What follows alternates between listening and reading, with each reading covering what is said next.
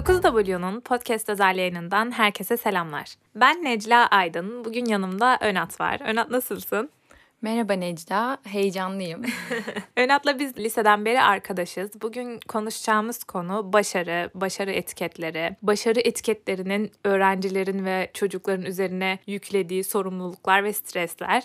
Bu yayında bana Önat eşlik etsin istedim. Çünkü Önat'ı yakından tanıyorum ve bu konuda en müzdarip olan isimlerden biri olduğunu biliyorum. Yani aslında Önat hepimizin sinir olduğu o çalışkan komşu çocuğu olabilir değil mi Önat? Ne yazık ki öyleydim. Hatta aynı zamanda böyle afişlerde üzerine bıyık çizilen, göz çizilen, makyaj yapılan insanlar olur ya ne yazık ki onlardan biriydim. Çünkü küçük bir ilçede başarılıydım üstelik. Önat'la bu konuda çok fazla ortak noktamız var. Çünkü ben de küçük bir yerde yaşıyordum. Bir diğer ortak noktamız da ikimizin de eğitimci ailelerin, öğretmen ebeveynlerin çocuğu olmamız. Bir tane viral olan bir video vardı. Belki hatırlarsın. Hiçbir çocuk benim kadar acı çekmiyor. Çevremdeki tüm insanlar benden fazla gülüyor. Bu videodaki çocuk kesinlikle iki öğretmenin çocuğu. Başka hiçbir açıklaması olamaz. Çünkü çocuk ödev yapıyor sadece ama o kadar ağlıyor, o kadar stresli. Yani sonuç olarak bence öğretmenler ister istemez çocuklar çocuklarını proje gibi yetiştiriyor ya da genellikle benim gözlemlediğim böyle. Çocuklara olması gerekenden fazla stres yüklüyorlar. Sanki hayattaki en önemli şey eğitimmiş. Bizim bu hayata geliş amacımız en iyi şekilde eğitilebilmekmiş gibi davranıyorlar. Necla çünkü e, öğretmenler evde de öğretmen kalmaya devam ediyor ne yazık ki. Benim annemle babam da öyleydi. E, evde de sanki bir öğretmenin bana davranışını hissediyordum onlarda. Beni yine aynı şekilde ödevlendiriyorlardı. Tış uyanış saatlerimde çok ciddi bir disiplin vardı. Yani bence haklısın. Hepimiz Hepimiz bundan muzdarip. Ve bu sorumluluk, bu başarılı olma, sürekli sanki hayatımdaki en önemli şeyin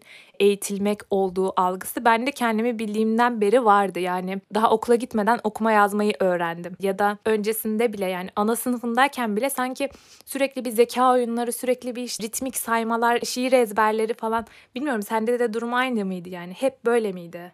Aslında hep böyle değildi. Başta annem babam genç anne baba oldukları için 22 yaşındalarmış henüz ikisi de. Genç ve beklenmedik şekilde anne baba oldukları için bana nasıl yaklaşmaları gerektiğini bilmiyorlarmış. Nasıl eğitilmem gerektiğini bilmiyorlarmış. Hatta o kadar başarısızdım ki Necla. Okulda en arkada oturuyordum.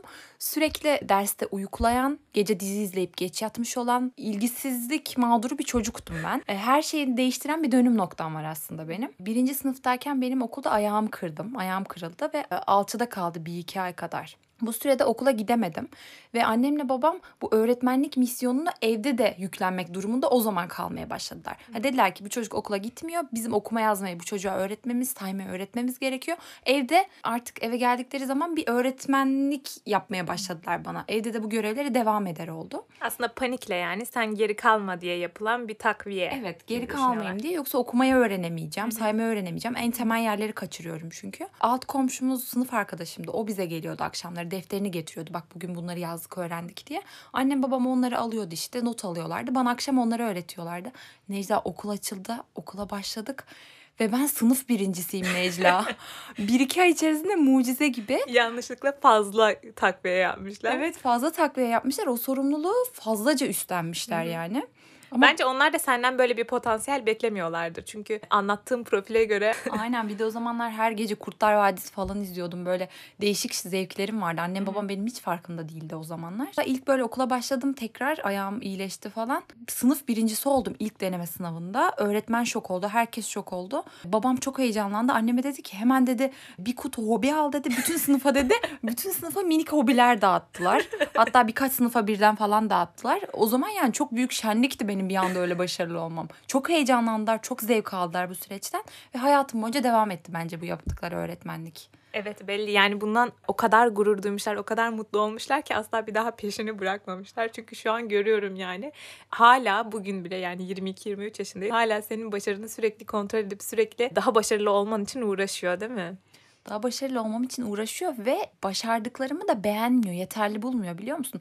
Üniversite sınavında 122. oldum. Babam bana şey dedi. Olsun Canı sağ olsun ama bak sen birinci olurdun. Çok gevşettin son zamanlarda. Yani yapacak bir şey yok. Bundan sonrasına bakacaksın artık falan. Asla tebrik edilmedim Necla. Asla yani. Ben geçenlerde şöyle bir şey okumuştum. İnsanoğlunun sürekli mutluluk konusunda doyumsuz olduğunu, hep daha fazlasını istediği söylenir ya.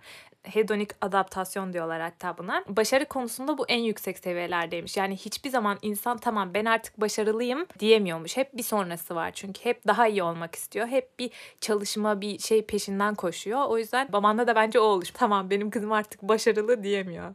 Evet hep daha fazlası olduğunu düşünüyor. Bir de şu dikkatimi çekiyor. Babam sürekli şu ifadeyi hep kullanır. Ben senin yerinde olsam senin imkanların sendeki anne baba bende olsaydı. Babam köyde büyümüş bir çocuk. Bu imkanlar bende olsaydı ben şimdi senin olduğun yerden çok daha farklı yerlerde olurdum. Çok daha başarılı olurdum. Üniversite sınavında da birinci olurdum falan diyor. Bence kendi başarısız olduğu için ya da başarıya bir açlığı olduğu için aslında o hırsını benden çıkarma eğiliminde. Evet anladım. Yani birazcık seni proje çocuk yapan şeylerden birisi bu. Zaten bence bu bir üst kuşaktan çok fazla duyduğumuz bir şey. Yani biz sizin yerinizde olsaydık uzaya çıkardık falan. Evet. Sürekli böyle şeyler duyuyoruz. Ama bence biraz şunun kaynağına inmek lazım. Bu başarı konusunda bu kadar hırslı olmanın ya da bu kadar gözü dönmüşlüğün sebebi ne? Başarıya yükledikleri anlam ne? Başarıyı ne olarak görüyorlar? Mesela sence hayatın amacı başarı mıdır? Ya da hayatta başka bir amacımız var ve buna giden yol başarı mıdır? Bence başarı şu. Bir iş yapıyorsun. Sonra geriye dönüp yaptığın işe bakıyorsun ne güzel yaptım diyebiliyorsan başarılısındır. Etraftaki insanların alkışı, onayı değil. Hı hı. Sadece kendi içsel huzurun, kendi içinde ben bunu yaptım ya diyebilmem başarılı olman için yeterli bir ölçüt. Bence zaten bu algıda olamadığımız için başarısız olmanın acısını yaşıyoruz. Kendimizi başarısız hissediyoruz. Çünkü onay alamadığımız zaman başarısız hissediyoruz. Evet aslında mesela bu onay konusuna girmen çok iyi oldu. Çünkü başarılı olma arzusu insanın bir ihtiyacı gibi tanımlanıyor. Hatta Maslow'un bu ihtiyaçlar hiyerarşisinde piramidin en üst basamağındaki kendini gerçekleştirme ihtiyacıyla veya onun bir altındaki say saygınlık e, ihtiyacıyla ilişkilendiriliyor. Yani aslında bir ihtiyacın ürünü gibi başarılı olma arzusu. Hatta bunu piramidin bir altındaki o saygınlık gereksinim yani insanlardan takdir toplamayla özdeşleştirdiğimizde daha başkası için yaptığımız bir çaba gibi görmeye başlıyorum bu saygınlık. Recep İvedik'in ihtiyaçlar listesinde de üçüncü satırla ilişkilendirebiliyoruz bu başarı isteğini. Ama bak dikkat edersen o piramidin daha alt satırlarında sevgi, sevilme arzusu var. Hı hı. İşte burada hata yapıyoruz bence. İlk önce aslında bize sevgilerini gösterip güvenlerini hissettirdikten sonra bizden başarı talep etmesi gerekiyor. En önce ailemizin. Evet, Bana evet. ilgisini aslında başarılı ol kızım. Başarılı mısın? Çalışıyor musun? Bununla gösteriyor aslında ilgisini. Bence burada bir hata yapıyorlar farkında olmadan. Evet anladım. Yani bence de bu proje çocuk yetiştirme mantığında çok sık yapılan bir hata. Ama sanki Önat senin başarı anlayışın biraz daha başarılı olmak bizim bir ihtiyacımızdan çok. Arthur Brooks diye Amerikalı bir sosyal bilimci var. O başarılı olma arzusunu tanımlarken başarıyı biraz daha mutluluğa giden yollardan biri olarak görüyor. Hatta mutluluğa ulaşmak için bize dört temel yol sunuyor. Bunlar işte faith, inanç, family, aile, community işte topluluk çevremiz ve work. Work dediği kısmı da başarı olarak e, nitelendiriyor ve burada başarı üzerine çalıştığımız her şeyi buraya koyuyor ve diyor ki bu aslında bizim mutluluğa götürecek yollardan biridir. Başarıyı biz bu yüzden isteriz, mutlu olmak için isteriz ve buradaki başarıyı senin az önce dediğin gibi bizim şu an bahsettiğimiz akademik başarıdan ziyade gerçekleştirilen her hedef ya da insanın hayatına, çevresindekilerin hayatına değer katacak her hedef ve o hedefe ulaşma arzusu olarak tanım. Nasıl diyeyim? Ben bir çiftçiysem ve ve bu seneki hasatım çok güzel geçtiyse bu da benim için bir başarıdır. Ya da çok küçük bir hedefim vardır ya da kendimce büyük ama çok farklı bir yönde bir hedefim vardır. O da benim için başarıdır. Çünkü beni mutlu eder, beni tatmin eder, fayda sağlar, çevreme değer katar, bana değer katar. E, sanki sen de biraz daha başarıya böyle bakılması gerektiğini savunuyorsun. Babanın dikte ettiği gibi illa akademik başarı, illa hepimiz Aziz Sancar olacağız değil de bizi mutlu eden ve bizim hayatımıza değer katan şeylerin hepsi başarılı başarı sayılmalı gibi düşünüyorsun? Seda Sayan haklı. Work, work, work. Şimdi şöyle, bence bunun sebebi de şu. Annem babamın jenerasyonuna baktığımda bir jenerasyon geriye gittiğimde genelde dedelerimiz, babaannemiz, anneannemiz çoğu çiftçi. Bu ülkede genel olarak insanların çoğunun dedesi babaannesi çiftçi.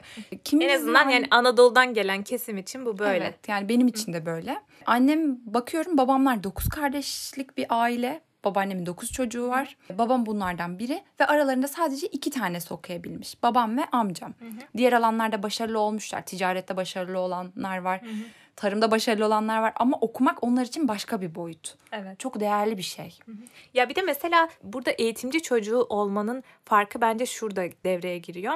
Benim babam da mesela işte hani önce öğretmen olmuş, sonra işte eğitim üzerine bir şeylerde yok yüksek lisans yok bir şey. Hep böyle e, akademik hayat hep eğitim, formasyon üzerine geçmiş. Çocukluk arkadaşlarım ya da kuzenlerimle toplandığımız her çevrede bile babam o rolü üstlenirdi. Yani biz daha küçükken bile bizi işte sıraya dizer ufak işte yarışmalı. Seksek oynarız ama ritmik sayarak seksek oynarız. Sürekli bir zeka oyunları, olimpiyatlar, işte zihinden problemler falan. Sürekli bir böyle bununla geçen bir yani aslında eğitimle haşır neşir olmanın getirdiği de eğitim üzerine yoğunlaşma isteği de var. Sadece başarı takıntısı değil bence konu çok dağılmadan biraz şunu sormak istiyorum Önat. Tamam dedik ki bizim gerçekten çocukluktan yüklenen, sana birinci sınıfta ayağını kırdıktan sonra yüklenen bir başarılı olma sorumluluğu vardı. Ve hatta bu etiket vardı. Bence bu etiket de seni motive etti ve sürekli sen başarılısın ve başarılı olmak zorundasın gibiydi. Bu etiketin sana yüklediği ya da başarılı olma sorumluluğunun sana yüklediği stres nasıldı?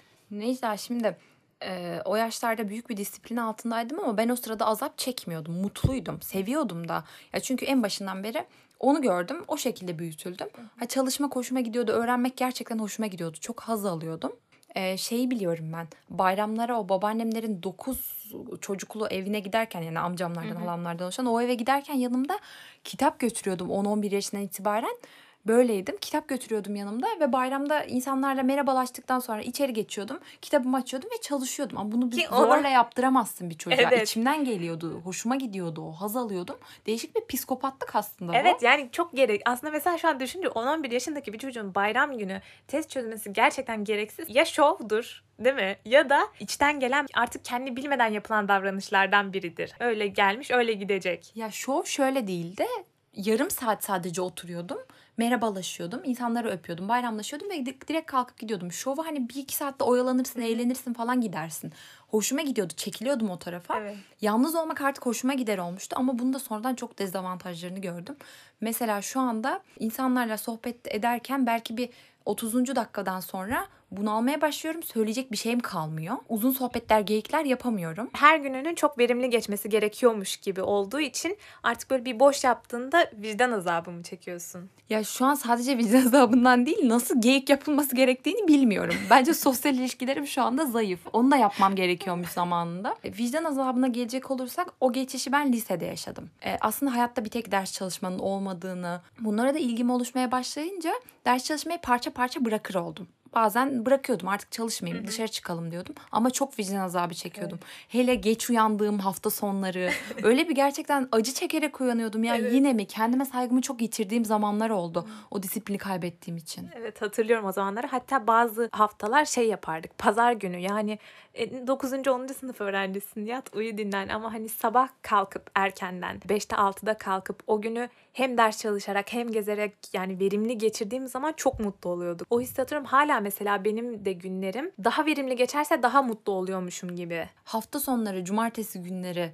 biliyorsun kursumuz falan oluyordu. Ee, özel sınavlara çalışıyorduk ve bir tek pazar günümüz kalıyordu. Ama o pazar gününde yine de mutlaka ders çalışırdık. Ders evet. çalışıp öyle çıkıyorduk dışarı evet. yani. Şu anda da mesela böyle üretkenlik, verimlilik, aşırı kişisel gelişim önerilerinde de çok popüler olan bir şey. Sabah erken kalkın, güne sporla başlayın, sonrasında okumalar yapın. Hatta başarılı e, insanlar, dünyanın en başarılı insanlarının ortak özelliği sabah dörtte uyanmaları. Zaten böyle bir algı var. Şu kadar kitap okumak, işte gününü şöyle geçirmek, çok az uyumak, güzel bir kahvaltı kahvaltı yapmak, spor yapmak böyle bir hani verimlilik baskısı zaten var bence. Ama biraz şunu düşündüm. Verimlilik belki gerçekten başarı getiriyordur. Benim için mutluluk da getiriyor gibi bir algı var. Yani verimli olduğum zamanlar gerçekten daha mutlu olacakmışım. Ömrümü ne kadar verimli ve faydalı geçirsem o kadar mutlu olacakmışım gibi bir his var. Sonra aklıma şey geldi. Samet Liçina diye bir adam var biliyor musun? Böyle sosyal medyada falan fenomen. işte çok fazla estetik ameliyat olmasıyla ünlü. Sürekli işte böyle ha, yüksek markalarıyla çok iyi bir... Aynen. Kerimcan'ın arkadaşı galiba. Evet Kerimcan Durmaz'ın arkadaşı olan bir adam.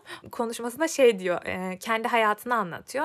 Diyor ki işte sabah uyanıyorum diyor. Tamam saate bakıyorum 11-12. Sonra soruyorum kendime Samet uyanmak istiyor musun? Hani uyanmak istiyorsam uyanıyorum Uyanmak istemiyorsam hayır biraz daha uyumak istiyorum diyorsa eğer Samet bana biraz daha uyuyorum diyor. Asla alarm falan hiçbir şey yok. Sonra uyanınca kendime soruyorum Samet bugün ne yemek istiyorsun? Ne yemek istiyorsam onu yiyorum. Sonra diyor ki işte soruyorum Samet spor yapmak istiyor musun? Ve o kadar mutluyum ki diyordu. Yani demek ki bu belki gerçekten haz üzerine kurulu bir hayat. Ama o adamı mutlu ediyor. Yani illaki verimli olmak, illaki faydalı olmak gerekmiyor belki insanın mutluluğu. Tabii mutluluğu ne diye tanımladığımıza göre de değişir. Bana çok hedonist bir yaklaşım gibi geliyor ama tamamen haz üzerine kurulu ve verimsiz bir hayat ama o adam onunla çok mutlu. Ama kendine ne kadar iyi davrandığına bakar mısın? Kendine ne kadar sevdiğini. Evet. Ben düşünüyorum kendime nasıl davrandığımı. Ruhumu sürekli kırbaçladığımı fark ediyorum Hı hı. bakınca.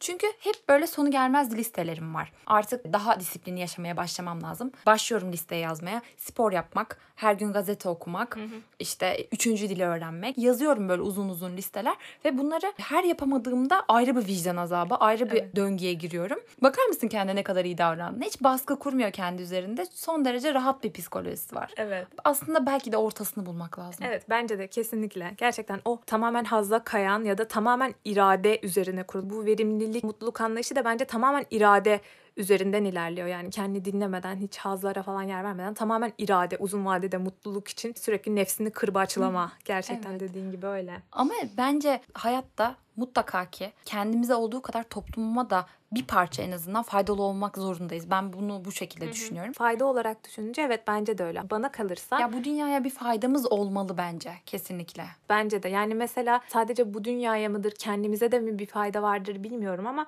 hani bu Brooks'un diyagramından bahsettik ya mutluluğa giden yollardan birisi de başarıdır diye. Bence faydaya giden yollardan birisi de başarıdır ve asıl amaç bence en azından benim için fayda olmalıdır. Başarı buna giden yollardan bir tanesidir sadece. Ya kendini geliştirdikçe aslında kendine faydan oluyor. Evet ama topluma da faydan oluyor. Peki Önat başından beri başarılı bir çocuk olduğunu ve böyle başarı üzerine ders çalışmak üzerine kurulu bir çocukluğun olduğunu biliyoruz. Peki ilk başarısızlık deneyimin hangisiydi ve nasıl hissettin? Bir de bir şey düzelteceğim. Akademik başarı e, endeksliydim ama babam sadece akademik başarılı olmamı istemiyordu. Aynı zamanda sağlam network'üm olsun, e, toplumda saygı göreyim. Bunları da istiyordu. İşte e, örnek verecek olursam lisede okul başkanlığı yapmam biliyorsun. İngiltere'de okul temsilcisi olmam. Yani aslında başarıma karizma katacak şeyler de Hı hı. olmalıydı hayatımda. Evet. Bir mükemmelliyetçilik Evet, evet. söz konusuydu her zaman. Yani tam bir projeydin gerçekten. Gerçekten tam bir projeydim evet. Ya oturuşumdan kalkışımdan tut her şeye kadar dikkat ederdi babam. Her şeye kadar yetiştirmeye çalışırdı beni. İlk başarısızlığım çok büyük bir başarısızlık oldu gerçekten. Herkes için şaşırtıcı bir şey oldu. Her şey çok yolunda, çok güzel. Üniversite sınavında derece yapmışım. İşte İngiltere'ye gittim, dil eğitimi aldım 6 ay.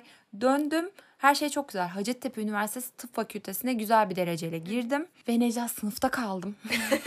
İnanabiliyor musun? Yani Evet, o hani an inanamamıştım şey ama değil. şu an biliyorum ve inanıyorum. O an Evet. ben de inanamamıştım. Hani şey değil. 100 alamadım 60 aldım Necla biliyor musun değil. Sınıfta kaldım Necla direkt.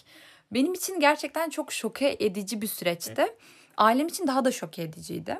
Babam için de bence çok sarsıcı oldu. Ondan sonra ilişkimizde bazı şeyler değişti. Artık o kadar da başarı endeksli olmaması gerektiğinin farkına vardı. Hepimiz için bu uyanış oldu aslında. Hayatımda kötü bir deneyim olarak görmüyorum bunu. Gerçekten benim onu yaşamam lazımdı. Evet, Bana çok de. şey öğretti. Evet, evet. Yani ailene de çok şey öğretmiştir.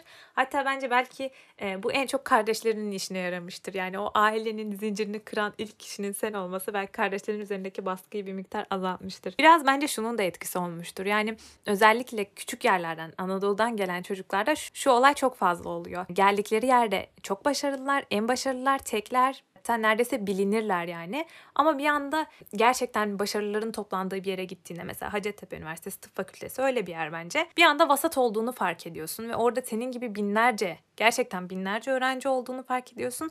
O kadar da başarılı olmadığını yani aslında bir çok da bir mana olmadığını fark ediyorsun. Ondan kaynaklı da bence bir şok oluşmuştur. Evet Necla e, alkışı duyamadım. Hı hı. Gittim alkışı duyamadım. Tezahürat Kimse bekliyorum. seni fark etmiyor bile değil mi Evet orada? orada eridim gittim resmen ve e, sürece ben de inanamadım. Okula Evet. motivasyonum düşüktü zaten. Belki de o takdiri duyamadığım için. Ya dediğim gibi o alkışı duyamamak zaten beni şok etti. Çünkü e, Elbistan'da Kahramanmaraş Elbistan oradan geldim biliyorsun ortaokuldan. Oralıyım zaten. Ee, orada e, gerçekten ismim markalaşmıştı. Hani insanlar beni tanıyordu. Gittiğim okullar belli. Her yerde zaten bursluyum. Üniversite sınavından çıkıyorum işte derece yapıyorum. Bana telefon falan hediye ettiler. Gerçekten orada ünlüydüm. Sen de Ereğli'de. Sen de 21. oldun değil mi üniversite sınavında? Senin evet Ereğli de küçük iyiydi. bir yer olduğu için hemen böyle afişler falan asılmıştı yani 21. Yani akılda kalıyor. Hatta bizim kanalda da geçenlerde Ahmet Arif'in bir videosunu tekrar paylaştık. Türkiye yedincisi diye. Yani yedinci deyince gerçekten birinciden daha sansasyonel oluyor. Sanki birinci bir sürü varmış da yedinci bir taneymiş gibi. Daha çarpıcı oluyor. Hele bir de Ereğli gibi küçük bir yerde ya da Elbistan gibi bir yerde. Orada hala eski okuluma konuşmalar yapmaya vesaire çağrılıyorum ediyorum ama burada hiç kimsenin umurunda değilim. Yani sonuç olarak başarılı olma arzusunun ya da bence bizim bugün daha çok konuştuğumuz başarılı olma sorumluluğunun özellikle öğrenciler üzerine, Türkiye'deki öğrenciler üzerine yüklediği çok büyük bir sorumluluk var ve bu çok büyük bir stres getirisi olarak karşımıza çıkıyor. Bunu sadece eleştirerek ya da sadece kötü bir şeymiş gibi anlatarak işin içinden çıkamayız. Çünkü aslında bu dürtü sayesinde insanlar bir şeyler yapıyor. Bu dürtü sayesinde bu verimlilik dürtüsüyle ya da çalışma arzusuyla başa bir hedef belirleyip insanlar buna göre bir şeyler başarıyor. Buna göre bilim ilerliyor. Bir sonuca bağlamak gerekirse bugün daha çok aslında hani başarının sırrı ya da başarı nasıl olunur gibi değil de başarılı olma çabası içindeki insanların genel dertlerinden bahsettik bence. Proje gibi yetiştirilen çocukların üzerine yüklenen yüklerin ne kadar fazla olduğunu ve bunun nasıl bir stres getirdiğini umarım iyi açıklayabilmişizdir. Senin eklemek istediğin, söylemek istediğin son bir şey var mı? Ya şimdi kimseyi zaten başarılı ya da başarısız diye etiketleyip bir sorumluluğun altına itmemek lazım. Hepimizin hayatında inişler çıkışlar var. Hepimiz yaptığımız bir işte en iyi olmak istiyoruz ama bazen o noktaya yaklaşıyoruz, bazen o noktadan uzaklaşıyoruz. Bir insanı başarılı olarak addedip de o insana o sorumluluğu yüklemek de güzel değil. Başarısız olarak nitelendirip o insanın motivasyonunu kırmak da mantıklı değil. Bunlar gelip geçici şeyler aslında. Kalıcılaşmamalı. Kalıcılaşınca bizim yaşadığımız gibi problemler yaşıyor insan kendi içinde. E, Onun dışında babama bayağı bir şey söyledim, giydirdim ama o olmasa şu an bulunduğum noktada bence olamazdım. Yani çok iyi bir noktada mıyım? Değilim. Ama kendi yaptıklarımla mutluyum. Karakterimle mutluyum. Gösterebildiğim, ortaya koyabildiğim naçizane irademle mutluyum. Bunların hepsinin gelişmesinde aslında o bana çok büyük destek oldu. Ufkumu açtı her zaman. Ama bu hiçbir zaman baskıya dönüşmemeli. İlk önce çocuk sevildiğini hissetmeli. O zaman en önce sana, sonra babana çok teşekkür ediyorum bu bölümde bizimle olduğunuz için. Dinleyenlere de çok teşekkür ediyorum. Sizin de yorumlarınız varsa bize sosyal medyadan ulaşıp yazabilirsiniz bu konu hakkındaki fikirlerinizi. Hepinize iyi günler, mutlu günler, verimli günler diliyorum.